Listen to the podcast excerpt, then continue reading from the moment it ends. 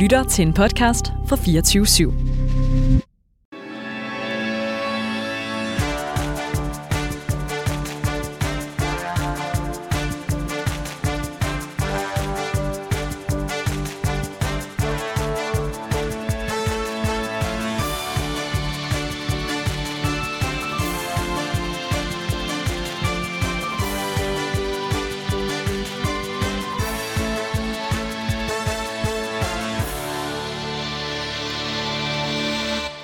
Velkommen til Danmarks mest ærlige debatprogram, Politik på onsdag. Her der inviterer vi hver uge spændende gæster til politisk debat uden spænd og fastlåste politiske positioner. Og hvis du forventer neutrale værter, så er det altså det forkerte sted, du lytter med. Ja, for mit navn det er Anders Storgård, og jeg er tidligere landsmand for konservativ ungdom, og så er jeg nuværende kommunalbestyrelsesmedlem på Frederiksberg. Og mit navn det er Nicoline Prehn, og jeg er aktiv i DSU, Danmarks Socialdemokratiske Ungdom, og så er jeg tidligere folketingskandidat for Socialdemokratiet. Ja, og velkommen til. Til dem, der ikke har hørt det første program, vi lavede, så er du jo den nye medvært her, fordi at Sofie Lippert desværre jo er blevet valgt til Folketinget. Godt for Folketinget, dårligt for politik på en onsdag, men så er det fremragende, at vi har fået en fantastisk erstatning. Måske du lige kort vil sige et par ord om, sådan, hvem du er og hvad din baggrund er? Ja, helt sikkert. Altså, jeg har glædet mig virkelig meget til at være med. Nu har vi jo lige sendt en time. Synes, det har været virkelig sjovt indtil videre. Øhm, jeg, ja, jeg hedder Nicoline, og så stillede jeg op ved det her folketingsvalg. Øhm, jeg er 20 øhm, og gammel, og så læser jeg øh, på Københavns Universitet. Øhm, Og hvor lang tid har du været politisk aktiv? åh, det ved jeg ikke. Jeg har sådan, øh, måske siden jeg var 13 eller sådan noget, så syv år måske, øh, sådan på alle mulige forskellige måder. Mest i DSU, øh, men også faktisk i sådan noget den grønne ungdomsbevægelse, Nødhjælpens Ungdom, øh, været formand for Aalborg Ungebyråd og sådan nogle ting. Øh, så sådan, synes jeg, lavet øh, mange øh, forskellige mindre ting. Øh, Det er fedt. Den næste time, der kommer vi som altid øh, til at vende øh, ugens vigtigste politiske historie med skarpe gæster. Men vi starter jo altid med os selv. Så Nicol- Nicoline, du så kigget ud over det danske mediebillede, ugen der er gået. Mm. Hvad har så været den vigtigste historie for dig? Jeg synes, der er rigtig mange ting, men jeg øh, lagde mærke til det her med, at vi er blevet 8 milliarder mennesker i verden. Øhm, det synes jeg er ret vildt. Altså, at øh, både jo sådan bare det der med at runde øh, ligesom en, en milliard mere, jeg synes, sådan jeg selv bare er vokset op med sådan, at vi er 7, 7 milliarder øh, på jorden, ikke? og nu er det så lige pludselig 8, øhm, og at øh, det ligesom bare stiger mere og mere. Øhm, der, er jo, der er nogen, der mener, at vi vil sådan ligesom stagnere, når vi rammer sådan noget 10 milliarder eller sådan noget, så det bliver virkelig spændende at se, mm. øhm, fordi der er jo fortsat, altså i Afrika syd for Sahara, bliver født øhm, sådan noget øh, 3-4 børn per kvinde, øhm, og det er bare virkelig mange. Øhm, samtidig så ser vi, at fertiliteten øh, den falder i Europa og også i lande som øh, Sydkorea og, og Singapore. Øhm, så jeg synes, det, der er virkelig mange spændende ting, både sådan i forhold til jo vores aftryk på jordkloden, i forhold til, at sådan, hvis man er flere mennesker, så udleder man også bare mere øh, CO2. Vi kommer til at opbruge jordens ressourcer endnu hurtigere, end vi allerede gør. Der er også sådan noget som, kan vi producere fødevarer nok øhm, til så mange mennesker, som vi ender med at blive? Øhm, men også, altså, er vi nok mennesker? Øhm, kommer vi til at mangle især unge? Øhm, fordi grunden til, at vi bliver flere og flere mennesker, er jo ikke kun, at vi føder flere børn. Vi føder jo faktisk færre børn i gennemsnit. Øhm, det handler jo rigtig meget om, at folk bliver ældre. Øhm, ja, så synes jeg bare er, er virkelig spændende. Det er noget, jeg kan huske, da jeg gik i folkeskolen, så talte man rigtig meget om, åh oh, nej, øh, det vil være, der vil være et problem i forhold til over befolkningen senere, så er man så begynder at nuancere det lidt, fordi man kan se, netop som, som du også siger, kurven den stille begynder at stagnere, og det måske ikke er et stort problem, som vi først havde antaget. Øh, jeg, altså, min farfar, han er lige for nylig død, men noget han altid sagde til mig, det er, at når folk siger, at der er for mange mennesker, så bemærker det altid at alle de andre mennesker, at der er for mange af. Øh, og det synes jeg egentlig er ret rammende. Jo, der er en udfordring selvfølgelig i forhold til, at vi får flere mennesker. Hvordan kommer vi til at løse de udfordringer? Men man skal også bare huske, flere mennesker betyder også flere flere forskere, flere eksperter, flere, der kan finde på nye idéer, gøre verden til et bedre sted. Jeg synes faktisk, det er en god nyhed, vi er blevet 8 milliarder. Mm. Ja, det er klart, hvis det fortsætter ud af kontrol og, og eskalerer væk, jamen, så har vi en udfordring. Men det vi kan se, det er efterhånden, som folk bliver rigere, så får folk også øh, færre børn, fordi det er de sgu ikke tid til, øh, når de er på arbejde hele tiden. Øh, og når, når de, når de øvrigt også gerne vil have tid til at se tv og mange andre af de luksusgoder, man, man får, når man bliver mere velhavende. Det kan vi jo se med, med, med Kina, selvom de har øh, fjernet deres øh, etbarnspolitik, så kan de ikke vende kurven, øh, fordi folk gider ikke have flere børn, når de begynder øh, at få penge mellem hænderne. Så det bedste, vi kan gøre, hvis man synes, får for, får for mange børn i Afrika lige nu, mm. det er jo at sikre, at der kommer en højere grad af velstand, øh, og at de får et Ja, bedre liv. Mm. Øh, så det håber jeg, man gør.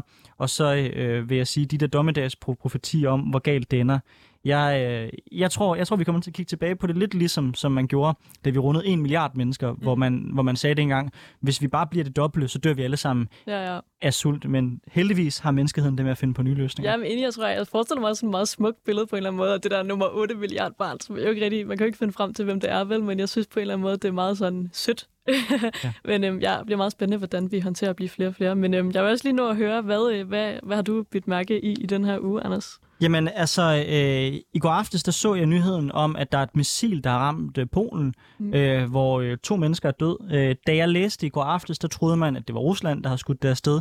Nu kan jeg se, USA i dag er ude at sige, at det sandsynligvis var øh, et ukrainsk missil. De havde søgt at skyde mod et russisk missil, der så var havnet i, i Polen. Det undrer mig enormt meget, hvad der foregår der, øh, og det gør det, fordi at de radarsystemer, USA har til at holde øje med, hvad der sker, de er jo polske. Mm. Så hvorfor i alverden er det, den polske regering siger, det var russerne, og den amerikanske regering siger, nej, nah, det var faktisk Ukraine. Der er altså et eller andet shady, der foregår der, hvis du, hvis du vil spørge, spørge mig. Hvad det er, øh, ved jeg ikke. Det kan også godt være, at Polen bare var hurtig til at komme ud med udmeldingen, fordi man så, at det var russisk produceret. Men det er i hvert fald sådan lidt en, en bekymrende eskalation. Vi må se, hvad det her bliver, øh, hvad resultatet af det her er. Lige nu så kan jeg se russiske trolls online, de har en field day øh, over at påpege, at øh, når man øh, NATO's øh, artikel 5 må der træde i kraft nu, og skal NATO så i krig med Ukraine, det kommer selvfølgelig ikke til at ske. Men det tyder jo også på, når man har en så anspændt konflikt, som vi har lige nu mm. mellem Ukraine og Rusland, så er der en risiko for, at noget går galt på et tidspunkt. Så hvad er løsningen? Hvis spørger yeah. mig, så er det at give Ukraine så mange våben som overhovedet muligt, så de kan vinde den her krig så hurtigt som overhovedet muligt. Ja, men helt enig. Jeg har selv også øh, været i Ukraine og har en del ukrainske venner. Øhm, sådan, jeg synes, det er forfærdeligt nok, at selve Ukraine ligesom bliver ramt, men nu hvor det så begynder at brede sig ud, så kan man jo på en eller anden måde også lidt håbe på, at det kan vække noget alvor i resten af Europa og resten af den vestlige verden, som så måske, øhm, det viser jo, at der kan ske fejl, og det altså er virkelig vigtigt, at vi hjælper og støtter op om, øh, om ukrainerne. Men hvordan tror du, de vestlige lande kommer til at reagere, hvis nu det bliver bekræftet, at det var Ukraine, der var, øh, øh der var den, der kom til at skyde missilen afsted? Tror du, man vil gå den modsatte vej og sige, så må vi hellere være mere varsomme med, hvilke våben vi giver Ukraine? Altså det kan man jo være bange for, men jeg håber og, og tror også lidt på, at det måske kan være det modsatte, altså at man siger, okay, der er brug for, at vi hjælper ukrainerne endnu mere, så der ikke sker flere fejl. Øhm, der er brug for både i forhold til altså militær uddannelse og i forhold til øh, militær materiel, at vi bakker endnu mere op. Hvad, hvad tror du der? Hmm. Det ved jeg virkelig ikke. Altså, jeg, jeg, jeg håber på, at vi kan bare hurtigt glemme det her, at det, det var en sket, og så bare levere så mange våben som hovedet til Ukraine. Men det er klart, det, det giver medvind til de folk, der er imod, vi leverer våben til Ukra- Ukraine forhåbentlig, for mm. de så ikke held med deres mission om at deraile øh, det mål, øh, vi har om at sikre, at Ukraine selvfølgelig vinder mm. kon- konflikten. Men altså, jeg må også indrømme, at jeg har svært ved at se, hvordan vi skal opnå fred i Ukraine, hvis ikke det er en, en ukrainsk sejr.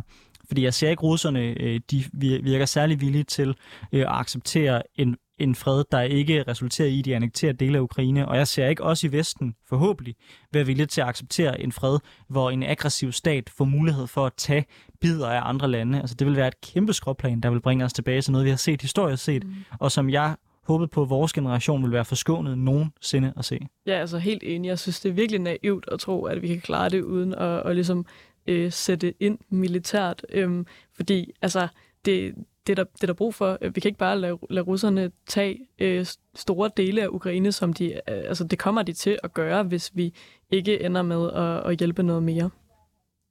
Ja, øh, det, er, det, det, det er helt enig med, med dig i, men når du siger, at vi skal gribe mere militært ind, mener du så våben, eller mener du mere i sådan, altså mere direkte?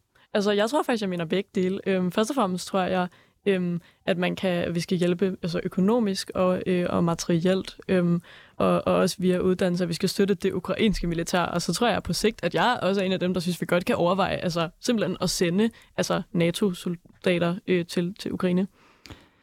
Hold op, men er du, ikke, er, du, er du ikke bange for, at det vil resultere i 3. verdenskrig, altså hvis NATO begynder at sende soldater ind, ind i, Ukraine? Jo, det lyder, jo, jeg, altså, bare, jeg, synes, jeg, jeg, synes, jeg, jeg synes, at jeg er en krigshø, men det der, det er næsten skridtet videre. ja, men jeg ved også godt, det er lidt kontroversielt, øh, men nu har jeg bare selv været i Ukraine for et år siden, øh, og er altså virkelig nervøs for, hvad, hvad, hvad der sker, hvis vi ikke får, får passet på det øh, ellers blomstrende demokrati, som, øh, som det jo var det her program, det skal nok blive rigtig, rigtig godt, når jeg simpelthen har fundet mig en socialdemokrat, der er mere krigerisk, end jeg er.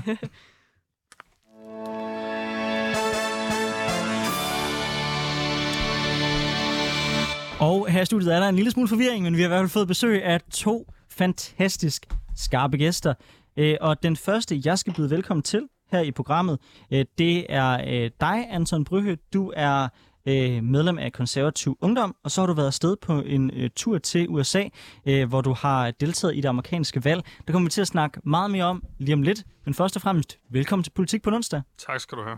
Vi lægger jo altid ud med at spørge vores gæster, når de kigger ud i dansk politik eller international politik, hvad har så været den vigtigste historie i deres optik i ugen, der, der er gået?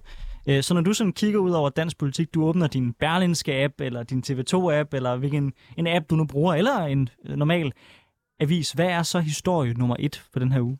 Det må jo nok være, øh, være regeringsforhandlingerne. De er jo sådan lidt, øh, lidt skældsætning for, for, hvor vi ender om... Øh, nu er jeg jo øh, selv borgerlige, om, øh, om, øh, om Jacob Ellemann og Lars Lykke ender med at, at hoppe over på, på Mette Solding, fordi så er det jo en, øh, en helt ny tid i, øh, i dansk politik.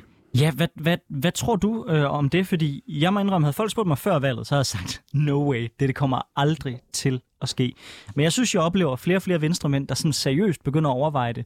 Og det må jeg indrømme, som en, der ikke er venstremand, synes jeg virker ret vildt, fordi den ene halvdel af partiet er gået over i Lars Lykkes parti, fordi de gerne vil ind over midten. Dem, der er tilbage i Venstre, det er de folk, der hader Mette Frederiksen som pesten.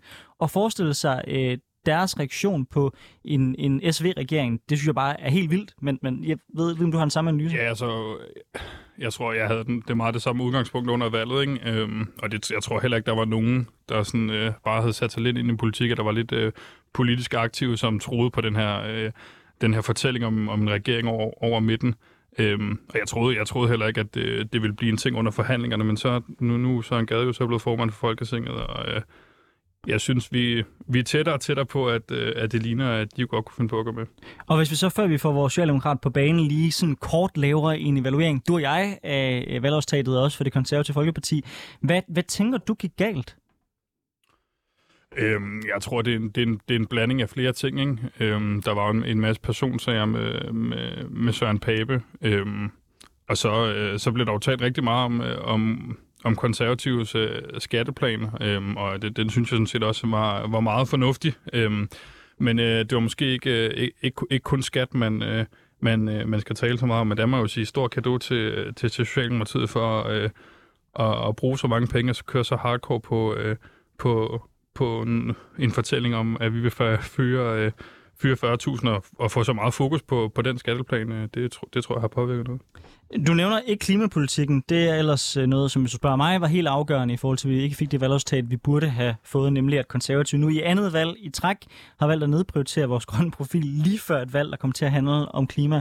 Men har du den samme analyse om, at, øh, om at det manglede, når man øh, så Søren Pape ind inde i et stort forsvar landbruget? Jamen, altså, jeg, jeg har jo nok den samme analyse, jeg gerne vil have, at, at, at at det fra vores side måske også skulle, skulle have handlet om, om nogle andre ting. Der er klima øh, jo, øh, jo, jo en meget vigtig ting, og, og sundhed øh, også. Men øh, jeg tror, i, i, i valgkamp skal man også tænke på, at det er jo ikke altid selv, at øh, partier på den måde kan, kan bestemme, hvad, øh, hvad, øh, hvad man skal tale om, øh, og hvad der skal blive talt om, øh, om ens egen politik. Ja, der vil jeg jo måske også sige det at tale lidt ned til vælgerne, kan man i hvert fald argumentere for at sige, at det handler om, om kampagnestrategi og ikke om politik, det resultat, der er kommet. Øh, men jeg synes, at øh, vi skal hoppe videre til vores anden gæst, øh, som er Rasmus Emborg.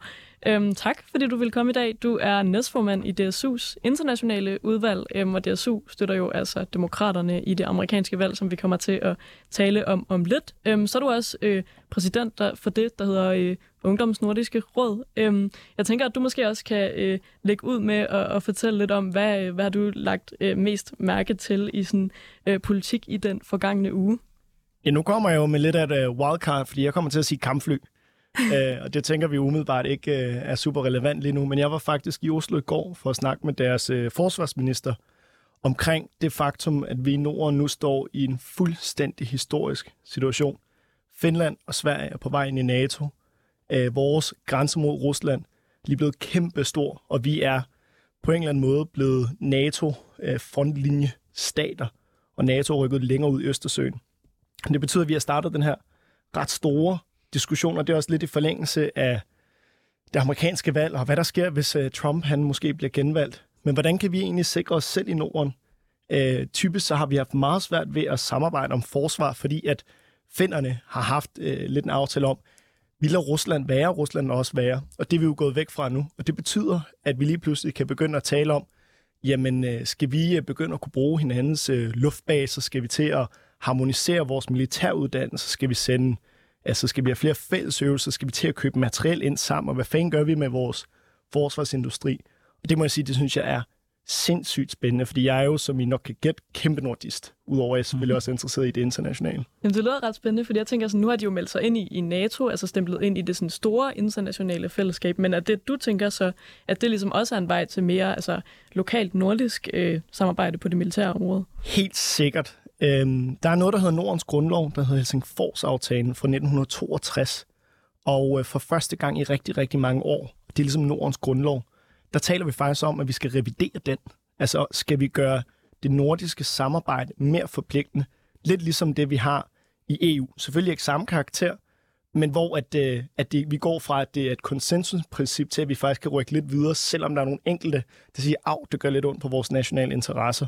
Og det tror jeg kunne være enormt godt, fordi vi ser mange steder i EU, at der er splittelser. Det er ikke alle medlemslande, der vil med. Vi har problemer med Ungarn og Polen. Vi ser et USA, der måske, måske ikke øh, bliver, bliver mere og mere usikkert og vender sig mod sig selv. Og der har vi bare nogle fuldstændig unikke muligheder i Norden. Øh, så ja, helt sikkert, det har været noget af det, der har bremset os allermest. Øh. Der, der, der, er nogle, øh, der er nogle helt vilde øh, aspekter i det her med, at Finland og Sverige er en del eller kommer til at blive en del af NATO. Det er vi helt enige om. Du lagde ud i forhold til kampfly. Noget, jeg tænkte, Ukrainekrigen egentlig også har vist, det er, at det er faktisk er tvivlsomt, hvorvidt de investeringer, vi laver lige nu i kampfly, måske er den rigtige vej at kigge, eller om vi stedet skal kigge ind i droner. Øh, hvad er dit bud på, sådan, hvordan kommer fremtidens nordiske forsvar til at se ud? Altså er det overhovedet baseret på kampfly, eller er det nærmere, som vi har set her, et, en blanding af i virkeligheden værnepligtige og droner? Altså, hvilken fremtid kigger vi ind i, i forhold til nordisk forsvarssamarbejde i din optik? Altså, vi har lært helt vildt meget af Ukraine, for eksempel i forhold til droner. Men når jeg talte med finderne, så noget af det, de siger, det er jo faktisk, at den konventionelle krig fylder mere, end de har troet.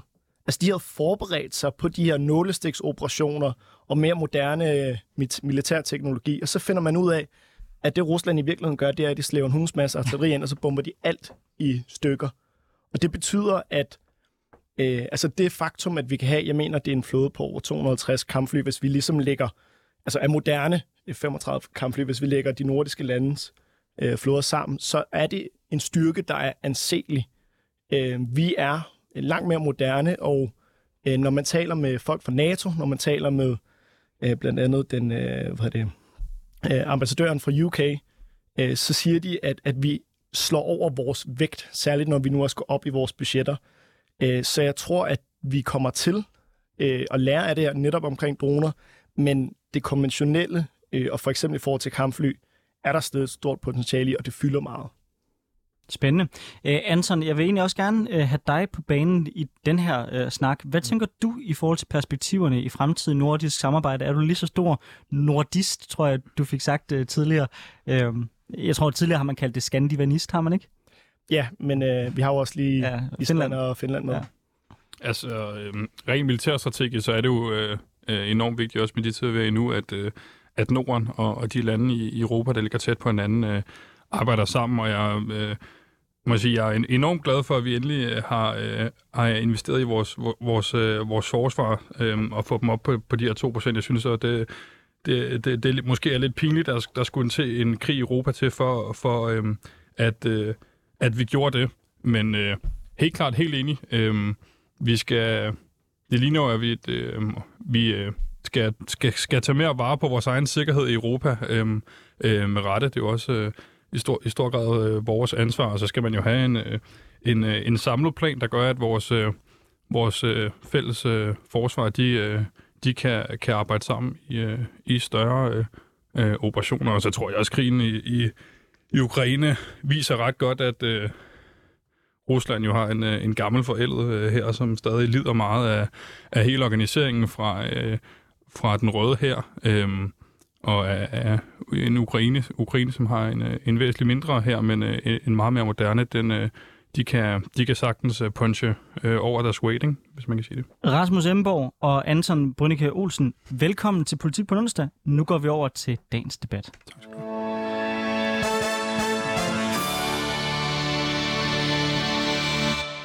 Ja, du lytter til Politik på en onsdag med Nicoline Prehn og Anders Storgård, hvor vi i dag har besøg af Anton Brynike Olsen, øhm, der kommer fra konservativ ungdom og har været over i USA og fører kampagne for republikanerne i forbindelse med øh, midtvejsvalget, og Rasmus Emborg, som er næstformand i det internationale udvalg i DSU, Danmarks Socialdemokratiske Ungdom, øhm, som støtter demokraterne. Tirsdag den 8. november, der gik amerikanerne til stemmeurnerne til midtvejsvalget, hvor flertallet i senatet og i repræsentanternes hus var på spil. Valget blev så tæt, at vi først i dag kender resultatet efter mange dages optælling. Ja, republikanerne de var altså de store favoritter til at tage begge kamre, fordi man ser ofte, at det er præsidentens parti, der taber de her midtvejsvalg. Men den her gang, der endte valget langt mere mudret, end nogen de havde forudset. Demokraterne de fastholder snævert senatet med 50 mod 49 pladser efter en overraskende sejr i svingstaten Pennsylvania. I Georgia der var resultatet så tæt, at de nu skal ud i en ny afstemningsrunde, da ingen kandidater her fik mere end 50 procent. Men da vicepræsidenten Kamala Harris kan afgøre øh, øh valget, hvis der er stemme stemmelighed, så er flertallet i senatet sikret. I repræsentanternes hus, der har der været spænding til det sidste, men i dag der har republikanerne sikret sig et snævert flertal. Den præcise fordeling den kendes ikke endnu, men NBC News de, øh, forventer, at fordelingen bliver ca. 215 til demokraterne og 220 til republikanerne, hvor det er altså 218, man skal have for at have et flertal. Uanset hvad har demokraterne overgået alle forventninger, men USA kigger nu ind i en del regeringsførelse, hvor demokraterne og republikanerne skal samarbejde, hvis noget skal gennemføres. Men hvad betyder resultatet for, hvilken vej USA vil bevæge sig i? Fordi hvad betyder Trumps melding om, at han vil forsøge at genvinde posten som præsident? Og hvorfor tog konservativ ungdom afsted for at føre valgkamp for republikanerne i USA? Det er nogle af de spørgsmål, som vi vil dykke ned i her i dag i Politik på en onsdag. Anton, du sidder i kommunalbestyrelsen i Gentofte, og så var du en af de koger, der tog afsted til midtvejsvalget øh, for at føre kampagne for de republikanske kandidater Marco Rubio og Ron DeSantis. Øh, vi kommer til at spørge mere ind til, hvorfor senere i programmet. Men som en, der har observeret valget på nærmeste hånd, hvorfor tror du, at republikanerne skuffede ved det her valg? Mit helt klare indtryk er, at, øh, at øh, den gængse amerikanske vælger både er træt af Donald Trump og af øh, Joe Biden.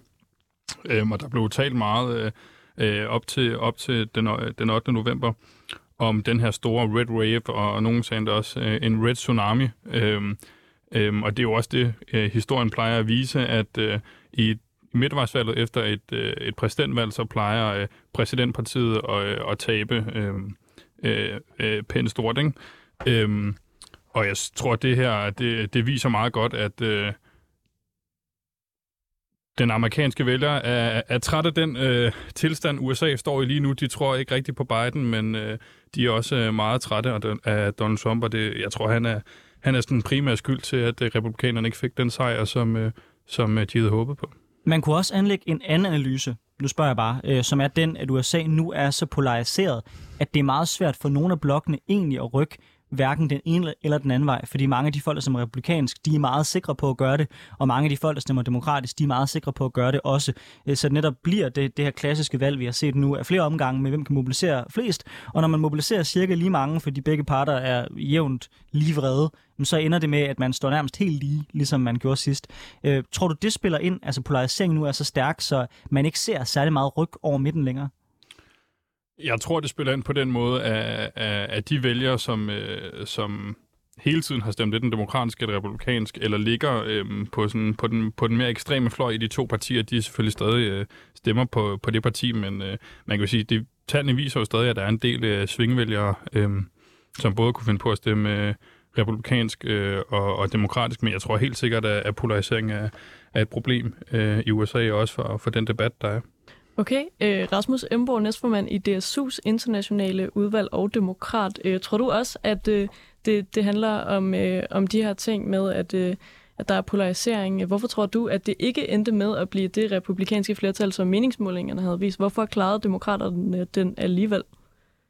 Jeg er grundlæggende relativt enig i, hvad I begge to siger. Jeg tror, mit, øh, min nuance til det er, at og også hvorfor øh, Joe Biden egentlig vandt øh, præsidentvalget sidst, Øh, der er sket noget, når øh, så mange republikanere, særligt under Trump, er rykket så langt til højre, at mange af de helt almindelige amerikanske vælgere, dem der ikke er synderligt polariseret, dem der ikke følger med i politik, de alligevel tænker, shit, storm på kongressen, Øh, og nu har vi, jeg ved ikke, hvor mange øh, kandidater, som Trump har endorset, der ikke længere øh, tror på, eller som netop tror på, at valget blev stjålet. Der tror jeg, at det faktum, at altså, demokraterne under Joe Biden bestemt, de ligger stadig øh, langt til venstre, men er mere midtersøgende end særligt den kurs, som Trump står for. Øh, og det tror jeg har skræmt, øh, har skræmt rigtig mange væk. Og det tror jeg faktisk er en af årsagerne til, at demokraterne har fået et, et bedre valg, end man har troet. Øh, og det bliver også lidt underbygget, vil jeg mene af, at selvom Joe Biden er, er upopulær, altså det er ikke nødvendigvis som sådan Joe Biden eller demokraterne, der har vundet valget, men det er i høj grad Trump og Trumps støtterne, der har tabt valget. Og jeg håber så også, at det her det vil lede til, og det viser det jo, at Trump han er blevet svækket. Øh, vi har så desværre set, at han er rigtig god til at komme tilbage fra selv øh, de mest eklatante øh, nederlag. Han er god til at tørre skylden af på andre. Jeg håber det godt nok. Rasmus, jeg vil virkelig ønske, du havde ret i, at det var stormen på kongressen, der havde gjort, folk de jo ligesom er blevet turned off i forhold til det republikanske parti. Men man må bare sige, når man har set på målingerne løbende af den her periode, så har det jo faktisk vist sig, at det har været ret få vælgere, for hvem det har været afgørende. Øh, rigtig, rigtig mange af de republikanske kernevælgere, de tror, øh, at det i virkeligheden var et komplot, og at Trump han vandt valget. Rigtig mange af de vælgere, der er i midten, øh, og som måske hælder øh, republikansk, de, er, de har ikke øh, været øh, provokeret nok af det til at rykke deres stemme til, til demokraterne. Er det ikke nærmere sådan nogle mere sådan klassiske amerikanske sager, som indgrebet mod abort, der har fået øh, flere unge øh, kvindelige vælgere til at stemme demokratisk den her gang. Øh, det er i hvert fald det, man kan se, når man, når man, når man går ned i tallene, så kan, man, så kan man se, at i den ældre gruppe, der har republikanerne vundet markant. Der, hvor demokraterne har gjort indhug den her gang, der de har fået markant flere unge til at stemme, og at de hælder markant mere i en demokratisk retning, end de har gjort tidligere. Og det tænker jeg ikke er på grund af stormen. Det er vel nærmere mere sådan klassiske værdipolitiske spørgsmål, eller hvad? Altså, jeg er jo øh, typen, der hælder til en subsurium af forklaringer. Jeg, jeg modstiller mig grundlæggende det, når vi forsøger at finde en mm. overordnet forklaring. For eksempel, da vi udråbte 2019-valget til at være klimavalget. Mm. Altså, den, den køber jeg i klima fyldt utrolig meget, men virkeligheden er mere kompleks, og jeg tror helt sikkert, at du har en pointe i abortspørgsmålet. Altså fordi det vedrører så utrolig mange mennesker, og det skred, der er sket, og øh, at øh, dommen blev øh, omstødt i, i højesteret, øh, det tror jeg helt sikkert har været med til at rykke rigtig mange unge, og det tror jeg er en super, super fin pointe. Men jeg vil nu stadig holde ved, og det synes jeg også, man har set, når vi nogle gange har været lidt for skråsikre på exit polls, mm. meningsmålinger øh, har vurderet for eksempel DF til at være helt ude, og der så er rigtig mange, der ikke nødvendigvis er med i de her øh, undersøgelser, så tror jeg stadig, at der er ganske mange almindelige amerikanere, der er møgtrætte af politik, og som synes, det er blevet for skængert, og som i højere grad kan se dem selv i de lidt mere moderate demokratiske kandidater har været opstillet. Ja, fordi jeg tænker, at en pointe er vel også, at man, øh, man så jo, at det var nogle af de mest, altså sådan som jeg ser det, ekstreme republikanske kandidater, som faktisk ikke opnåede valg, øh, men nogle af de mere moderate republikanere, øh, som blev valgt. Øh, så jeg tænker, Anton, hvad er dit take på det, nu hvor du er over at hjælpe øh, nogle af kandidaterne? Øh, altså, kan det ikke være, at nogle af republikanerne er gået for langt med det her sådan, øh, både at være altså, imod abort øhm, og ligesom tvivle på, om demokratiet fungerer? Handler det om, at, øh, at der er en, en del af republikanerne, som ligesom øh, har taget et, en for ekstremistisk drejning? Jeg tror, jeg er meget enig i din analyse om, at, øh, at det var de republikanere, som, øh, som mange så, blandt andet nogle, nogle af de kandidater, som stillede op i, i de her svingstater øh, til senatet, som tabte, øh, og Carrie Lake, som stillede op som guvernør i, øh, i Arizona. Nogle af de her ekstreme kandidater, som ikke som ikke kommer fra politik, som Trump har endorset, som meget bliver set som sådan en forlænget arm af Trump, øh, der taber mod, at man på den anden side kan se øh, sådan øh, mere kendte øh, republikanske, main, mainstream republikanske, hvis man kan kalde dem det, kandidater som Greg Abbott, guvernør i Texas, Ron DeSantis, guvernør i Florida, og Marco Rubio, øh, også øh, senator i, øh, i Florida, og Tim Scott, som er, er senator i South Carolina. De vandt jo, og de er, øh, de er øh, de vandt ret stort, og de er sådan ekstremt populære i deres stater, men øh, de her øh, ekstreme republikanere, de taber, og det er jo også et problem, som man ser i USA, at øh, både hos demokraterne, så er de øh, demokratiske vælgere, som både vælger, vælger kandidater i primærvalgene, de er øh, mere ekstreme end den, øh, den gængse amerikanske vælger. Det var derfor, Bernie Sanders, tror jeg, var, var tæt på at vinde, øh, vinde flere gange, og på den anden side øh, grund til, at øh, at, øh, at Donald Trump han, øh, han har så meget modvind, eller han har så meget medvind øh, øh, i nogle segmenter hos, øh, hos de republikanske vælgere. Men øh, når vi var ude at tale med, med, med den gængse, gængse vælgere, så øh, er det øh, på ingen måde Donald Trump eller, eller Bernie Sanders eller de demokrater, som, øh, som der er opbakning til.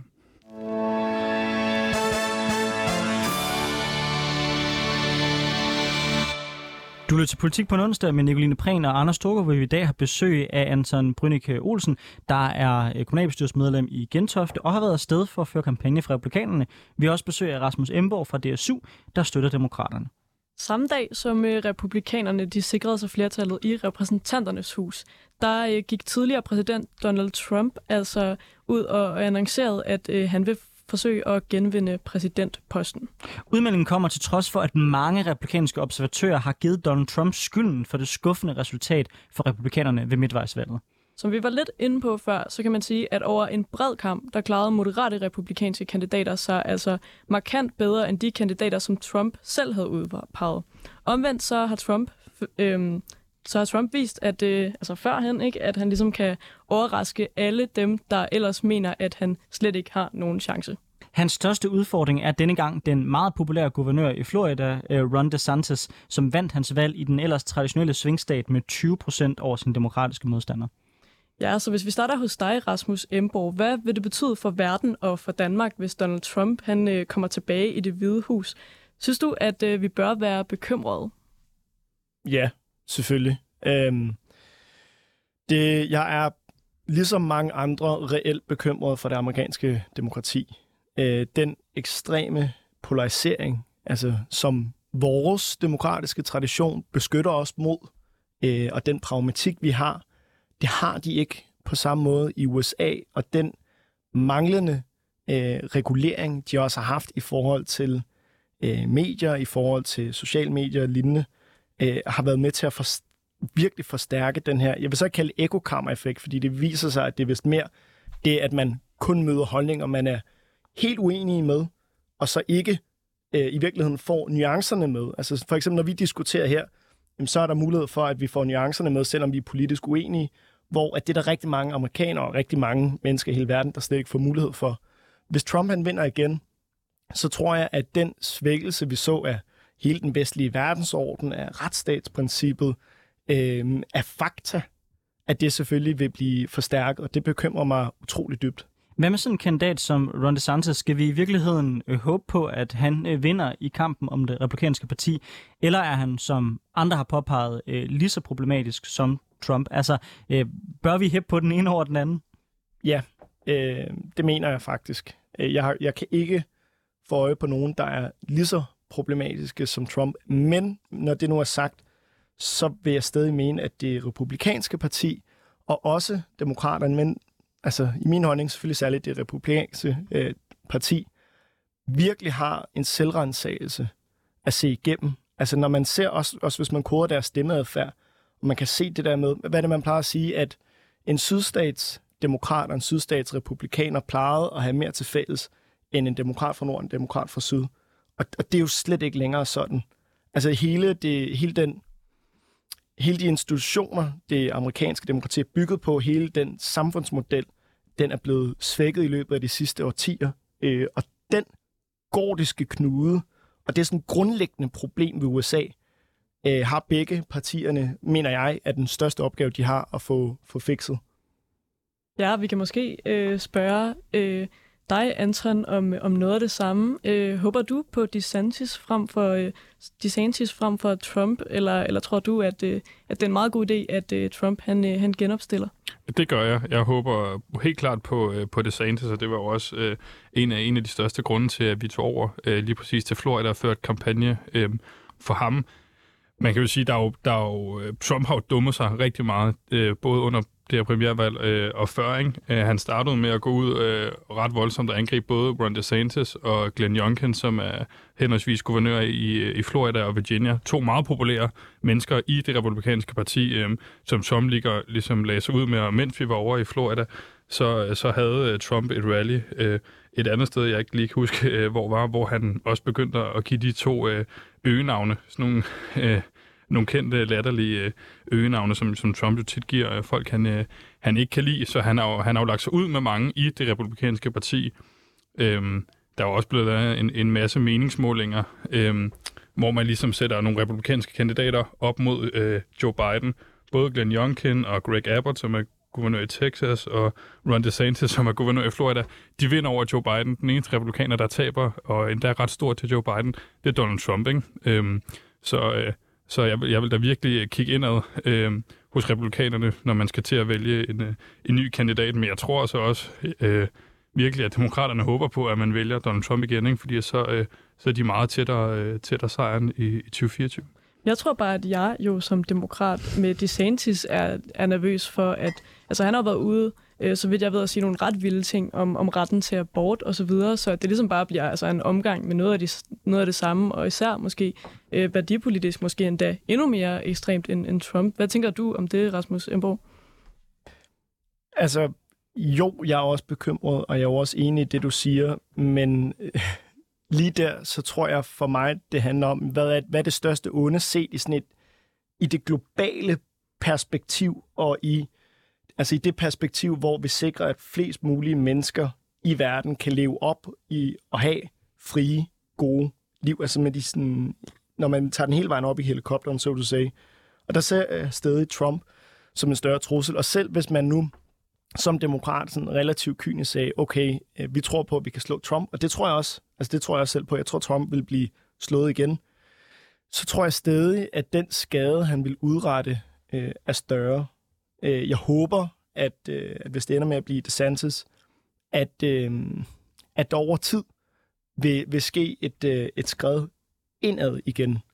Øh, men det er jo ikke noget, som vil ske fra den ene dag til den anden, og jeg er meget bekymret for øh, retten til abort og kvinders selvbestemmelse over deres egen krop øh, globalt, og også særligt, når man ser, at USA, som jo, altså undskyld mit franske, for fanden burde være et af de steder, hvor at vi ser efter, altså i Vesten, noget af det, et af de pejlemærker, vi ser efter, når det kommer under pres der, så kan det jo sprede sig som ring i vandet.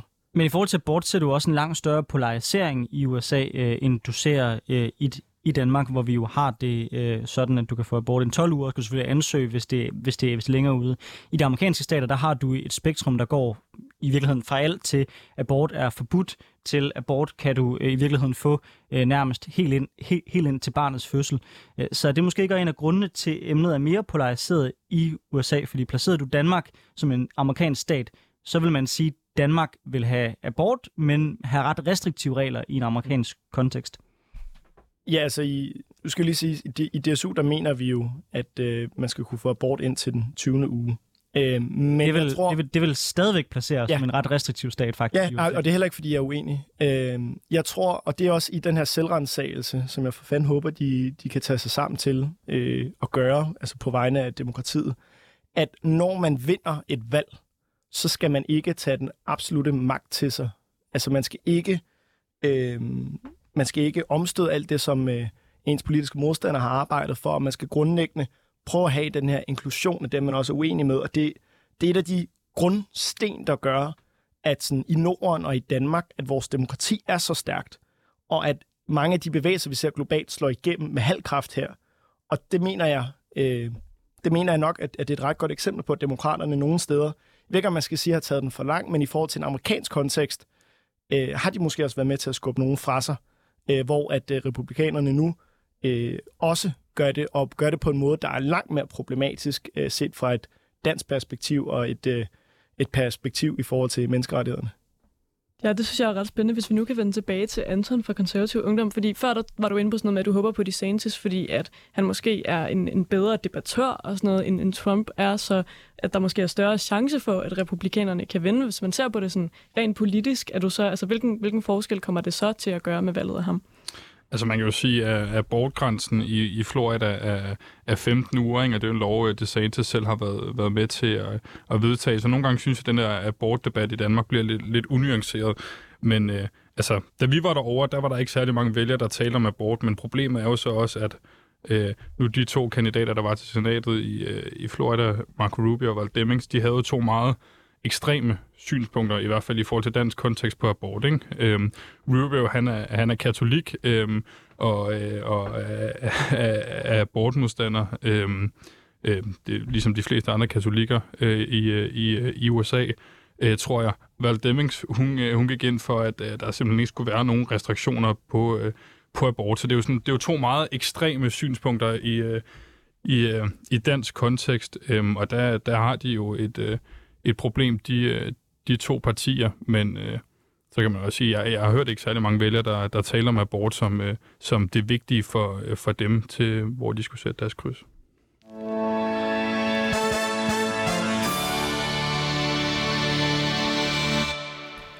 Ja, du lytter til Politik på en onsdag med Anders Storgård og Nicoline Prehn. Vi har i dag besøg af Rasmus Emborg, som er næstformand i DSU's internationale udvalg, og af Anton, og jeg tror, jeg er lidt svært ved at udtale dit efternavn. Det var Brynike Olsen, øhm, som øh, kommer fra konservativ ungdom, og som netop har været over at hjælpe republikanerne i øh, midtvejsvalget. Ja, vi kan ikke rigtig vende det amerikanske valg, uden også at dække debatten herhjemme. Efter konservativ ungdom tog afsted, så har Ungdomspartiet nemlig været i stiv modvind fra alt fra debattører som Jarl Cordova til venstrefløjen på Twitter.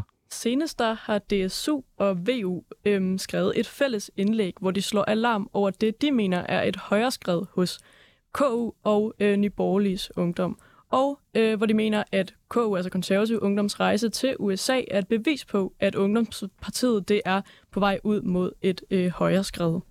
Som gammel KU-formand, der kan jeg sige, at der ikke er så meget nyt ved, at øh, KU øh, tager afsted til USA for at dække det, det amerikanske valg. Det er noget, øh, KU har gjort siden, siden 80'erne. Men jeg ved jo også, fordi jeg har været med i de overvejelser, at det kan være en ret svær overvejelse. Nu er jeg selv demokrat, så det gjorde den selvfølgelig ekstra svær for mig. Men det er jo altid sådan en overvejelse af, hvilke nogle kandidater kan man, selvom man er politisk uenig, fordi den danske kontekst er så forskellig øh, fra den amerikanske, kan man leve med, og kan man støtte nogle af de mere moderate kræfter i partiet. Men Anton, når man kigger på det republikanske parti i dag, kan man overhovedet tale om moderate kræfter tilbage i det republikanske parti?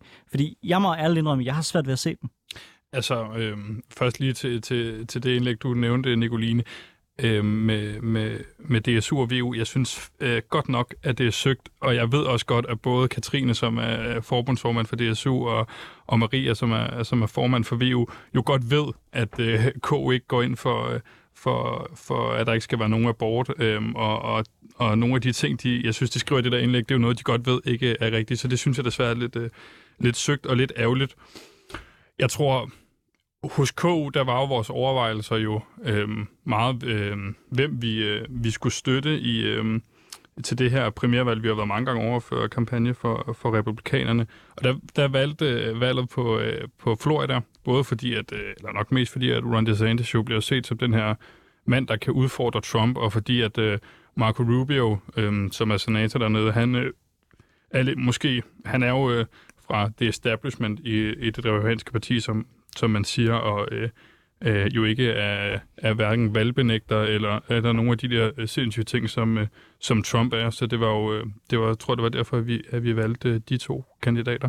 Og så jo også fordi, at vi jo reelt set håber på, at vi har jo det samme udgang, borgerlige udgangspunkt som republikanerne. Vi håber på, at de får øh, succes. øhm, men øh, så vil vi jo også virkelig gerne hjælpe dem med at prøve at, at redde sig selv og få dem, hive dem væk for, øh, for sådan en som øh, Donald Trump, ikke? Jo, der tror jeg, at jeg jo som øh, demokrat og socialdemokrat i dansk kontekst vil argumentere for, at man kunne have fundet øhm, nogle mere moderate republikanere. At man ikke, Hvem? Nu øh, ved jeg, jeg kender ikke øh, amerikansk politik godt nok til sådan at kunne nævne navne, øh, men der har jo været rigtig mange kandidater. Øh, jeg synes, det er vildt at vælge en, en kandidat, som altså har været ude og, og, og være imod abort, også når det gælder øh, incest og, og voldtægt. Det er for mig at se ret ekstremt, men det kan være, at vi skal kaste bolden over til Rasmus Emborg, som også øh, kommer fra øh, DSU. Øh, hvad tænker du om øh, det her indlæg, som øh, din... Øh, formand Katrine og, og sammen med VU's formand Maria har, øh, har skrevet med den her kritik af, KU's øh, tur til USA? Altså, jeg er jo enig. Uh, big surprise. Um, jeg har selv uh, personligt for altså, nogle år siden egentlig fundet, at, at der var ret meget mellem, mellem KU og DSU, hvor vi kunne samarbejde uh, igennem. Men i løbet af de seneste par år, uh, synes jeg også at have oplevet, at, at KU er skrevet mod højre. Øh, Øh, blandt andet i forhold til det, at det var, eller at man ville overveje at gøre det til eksklusionsgrund og være medlem af LGBT plus Danmark. Øh, og tilsvarende også det her, at man vælger nu at, at støtte Marco Rubio. Øh, jeg, jeg kan ikke se, hvorfor man ikke enten kunne have valgt, kun har ført for, altså for eksempel DeSantis, øh, valgt en anden kandidat, eller øh, gøre det på en anden måde. Altså jeg, jeg tror lidt, at altså hvis jeg var KU'er, øh, så, så var det måske her, hvor jeg ville se noget og så sige, det kan så godt være, at vi, vi skød forkert der. Fordi Marco Rubio, øh, når man taler om øh, altså direkte abortmodstand, som du også siger i tilfælde af voldtægt og incest, og det, at øh, han har været med til at støtte en lov, hvor at øh, man ikke må nævne LGBT-personer i undervisningen, det synes jeg er, det synes jeg er for langt, øh, må jeg virkelig indrømme. Og der i DSU, øh, der har vi det i hvert fald sådan, at når vi vælger, hvem vi skal føre valgkamp for, når vi vælger internationale samarbejdspartnere, øh, så er vi meget omhyggelige, og der er også øh, en del tilfælde, hvor vi vælger ikke at gøre det. Det mener jeg måske burde have været tilfældet her. Men Rasmus Emborg, grund, grund til at spurgte Nicoline hvem, øh, det er sådan set, fordi hvis du spørger mig, så er udfordringen primært øh, den, at i det republikanske parti, der er der ikke særlig mange folk, du kan vælge, der er mere moderate end de to folk, de, du, du, du har valgt her. Det siger måske mere noget om amerikansk politik end så meget andet. Men jeg synes også, i DSU, det, det er måske lige frisk nok, og dermed så øh, lave øh, en trækning og sige, ergo må KU mene det samme. Jeg antager, at DSU også gennem jeres samarbejdsorganisationer har et forhold til øh, de romanske socialdemokrater, som har nogle stærkt problematiske holdninger. Jeg ved også, at I tidligere har arbejdet sammen med de filippinske socialdemokrater, hvor jeg også antager, der er ret stor forskel på jeres holdninger. Jeg er også sikker på, at hvis jeg gennemgik, hvad Obama mente, da han slog op i 8, så vil der også være steder, der vil være et kæmpestort clash, fordi dansk og amerikansk politik er bare to ret forskellige størrelser. Mm. Så selvom jeg synes ikke nødvendigvis, vi bør tage afsted som KU og bare republikaner op, fordi jeg ikke er republikaner, så synes jeg, øh, måske I skyder med lige en kant for skarpt, når I trækker en linje og siger, at dermed kan man udlede, at KU må støtte de holdninger, som alle, altså alle de holdninger, der er i det republikanske parti. Øh, det gør jeg ikke. Øh, jeg vil ikke øh, drage nogen øh, sammenligning, men... Men, men, men det, gør, det gør jeres, øh, jeres forbundsformand så i det indlæg her, hvor man ligesom trækker linjen og siger, at det er tegn på KU's højredrejning. Ja. Altså, når vi snakker om det, så tror jeg, jeg vil tage udgangspunkt i, nu, nu er jeg inviteret ind, jeg vil egentlig tage udgangspunkt i, hvad jeg mener. Øh, og der synes jeg øh, stadig, at, at det er problematisk, at man vælger at, at støtte nogle af de her kandidater. Jeg tror stadig godt, man kunne overveje, Øh, Øh, er der måder, vi kan gøre det på, hvor vi ikke fører det sted? Valgkamp for det, er der, eller valgkamp for dem, er der måder, hvor vi kan komme hen og på den anden, altså på en anden måde udøve indflydelse øh, på republikanerne. Øh, vi har ikke, for eksempel, altså vi fører ikke øh, valgkamp for nogle øh, socialdemokratiske ungdomspartier, der er problematiske lige nu. Det vil jeg egentlig godt stå, stå inden for. Øh, og der mener jeg, at øh, altså der mener jeg som sagt, at det, det er skudt skævt. Øh, og selvfølgelig skal vi ikke Altså, vi skal heller ikke øh, melde fanen på væggen og sige, at øh, K går ind for, for alt det her. Men jeg vil dog, altså jeg vil mene, at LGBT plus-sagen, altså hvor man vil ekskludere medlemmer, der er medlem af LGBT plus Danmark, det mener jeg er dybt problematisk. Og jeg mener ikke, at I burde have været afsted øh, og støtte øh, Marco Rubio. Det, altså det, det forstår jeg ikke. Det må jeg, det må jeg ærligt indrømme. Ja, for jeg tror også, jeg kunne godt tænke mig at spørge dig, Anton. Jeg har også fulgt ret meget med i den her debat, for jeg synes, det er virkelig spændende. Øhm, og for mig er abort en af sådan, de allervigtigste øh, rettigheder, vi har. Øhm, øh, men jeg har fulgt, fulgt med og set, at jeres formand i KU, altså Christian Vigilius, han har været ude og sige sådan noget, uh, men vi tog også lidt derover for at trække i en anden retning, øhm, sætte et andet fokus og sådan noget. Det kan man sige, det, det er okay, men for mig at høre, så lyder det også lidt øhm, som en, sådan, øh, en lille undskyldning for, at man har gjort det. Altså, har man lidt fortrudt det? Det, altså, nu... Øh tænker jeg også, Rasmus, du sidder i et internationalt udvalg i Zoom, tænker også godt, at, at du er klar over, at man jo også tager over for, for at lære, øh, hvordan der bliver ført valgkamp øh, øh, andre steder. Men så tilbage til det der indlæg. Jeg synes, det er fuld, fyldt med en masse faktuelle fejl. Øh, nu bliver, skriver de, øh, de to øh, formand jo blandt andet, at øh, Ron DeSantis han er imod, at man må nævne LGBT-personer øh, i, øh, i i klasseundervisning, og det er, jo, sådan, det er jo simpelthen faktuelt forkert. Den lov, der bliver talt om, det er en lov, der hedder uh, Parental Rights in, in Education Act, um, som handler om, at man ikke skal undervise i, uh, i kønsidentiteter og kønsaktivisme øhm, øh, um, uh, for tredje klasse. Det er, sådan, det er lidt ligesom den debat, der var i, i Danmark um, uh, med normstormerne, hvor en, en, en organisation, der klart har et, uh, et, et politisk udgangspunkt, um, går ind um, og, og vil undervise i det i... Um, i, øh, i folkeskolen, og der synes jeg bare, at, øh, at det, vores, vores børn i folkeskolen de bliver undervist i, det er jo noget, der skal have en eller anden form for, øh, for, for, for, for virkelighed. Ikke? Øh, så kan man sige, at øh, det her abortspørgsmål, jeg synes også, at, at debatten bliver meget unuanceret, fordi jeg tror, i USA der er der cirka 40 procent, lidt, lidt over, som, øh, som øh, er abortmodstandere. I Florida er det cirka halv-halv, så øh, de har jo bare ikke det samme forhold, som, øh, som vi har i Danmark. Øhm. Men Anson, øh, det, det kan jo også være et argument for, at man ikke bør tage afsted. Altså, nu nævnte du tidligere Bernie Sanders, som jeg godt ved også ofte fremhæver som den her forfærdelige socialist. Men hvis man går ind og prøver at sammenligne hans politik på nogle områder med dansk politik, med hans Medicare for All forslag, det vil grundlæggende svare til, at du tager hele det danske system, så siger du, okay, det er private, der står for at levere servicen, men det er det offentlige, der betaler regningen. Altså det vil næsten placere ham øh, til højre, rent ideologisk for liberal, alliance. Så når der er så store forskelle på amerikansk politik, når det er ligesom det yderste venstre, det vil i sundhedspolitikken være placeret som det yderste højre i dansk politik, kan man så meningsfuldt tage afsted og bakke kandidater op i, am- i amerikansk politik, når der er så store forskelle som der er, eller burde man i virkeligheden bare holde sig fra det? Altså, jeg tror også lige, lige med Bernie Sanders, der skal man måske også lige tænke over, altså, Bernie Sanders, han er sådan grundlæggende meget venstreorienteret. Han øh, øh er en mand, der virkelig har, har omfavnet den her hele woke-bevægelse øh, og øh, økonomisk øh, øh virkelig vil bruge, bruge rigtig mange penge øh, øh, ufinansieret. Øh, men jeg vil da sige, at jeg tror ikke, man kan finde nogen ungdomspartier, som har, som har et søsterparti, de er fuldstændig enige med i alt. Og så synes jeg, at det er bedre at tage over og tage diskussionen i de ting, man er, man er uenig med, i stedet for at øh, der er nogen, der bare råber fascist øh, øh, på Twitter. Det, det tror jeg ikke, øh, at, at, man får, at man får særlig meget øh, ud af.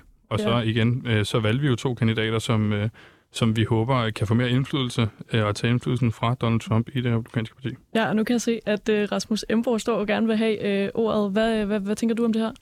Altså, jeg synes bare, hvis du prøv at forholde dig til altså, den snak, vi har nu og her, og ikke øh, nødvendigvis, hvad der foregår på Twitter, og, og folk, der kalder hinanden fascister, men sådan helt konkret det der med, stille nogle krav til, hvem man samarbejder med. Det kan godt være, at man ideologisk set burde stå samme sted, men når der er tale om, altså for eksempel med Marco Rubio, i forhold til abort, som er en eklatant forskel. Altså det er virkelig en forskel mellem, hvad vi har bygget vores samfund på i Danmark, og hvad man gør i USA er der ikke noget af den her kritik, som alligevel kommer på tværs, altså fra venstrefløjen til højrefløjen, altså selv nu her fra Anders, er der ikke noget af det, der vækker genklang i forhold til, burde I ikke have overvejet, hvordan I gjorde det her noget bedre? Er der ikke noget i den her tur, I kunne have gjort bedre alligevel?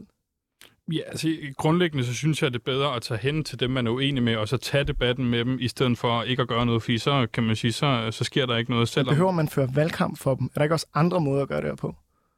Jeg synes, man skal man grundlæggende skal støtte dem, man, øh, man ideologisk sådan, øh, har, har, har samme udgangspunkt med, og man skal så også bare sige, nu der er blevet taget et rigtig meget øh, om abort, men altså på, på mange andre øh, og mange flere øh, øh punkter, så er øh, det borgerlige Danmark og, og, og KU jo grundlæggende bare mere enige med det republikanske parti end demokraterne, fordi at demokraterne er bare meget venstreorienteret på værdipolitik og økonomisk politik og andre ting. Anton Brunike Olsen, tusind tak, fordi du var med i Politik på onsdag. Også tak til dig, Rasmus Emborg. Hvis man synes, det var interessant, så kan man finde denne podcast og mange flere på de podcast-platforme, man typisk bruger. Og vi er selvfølgelig tilbage igen næste onsdag. Tak fordi I lyttede med.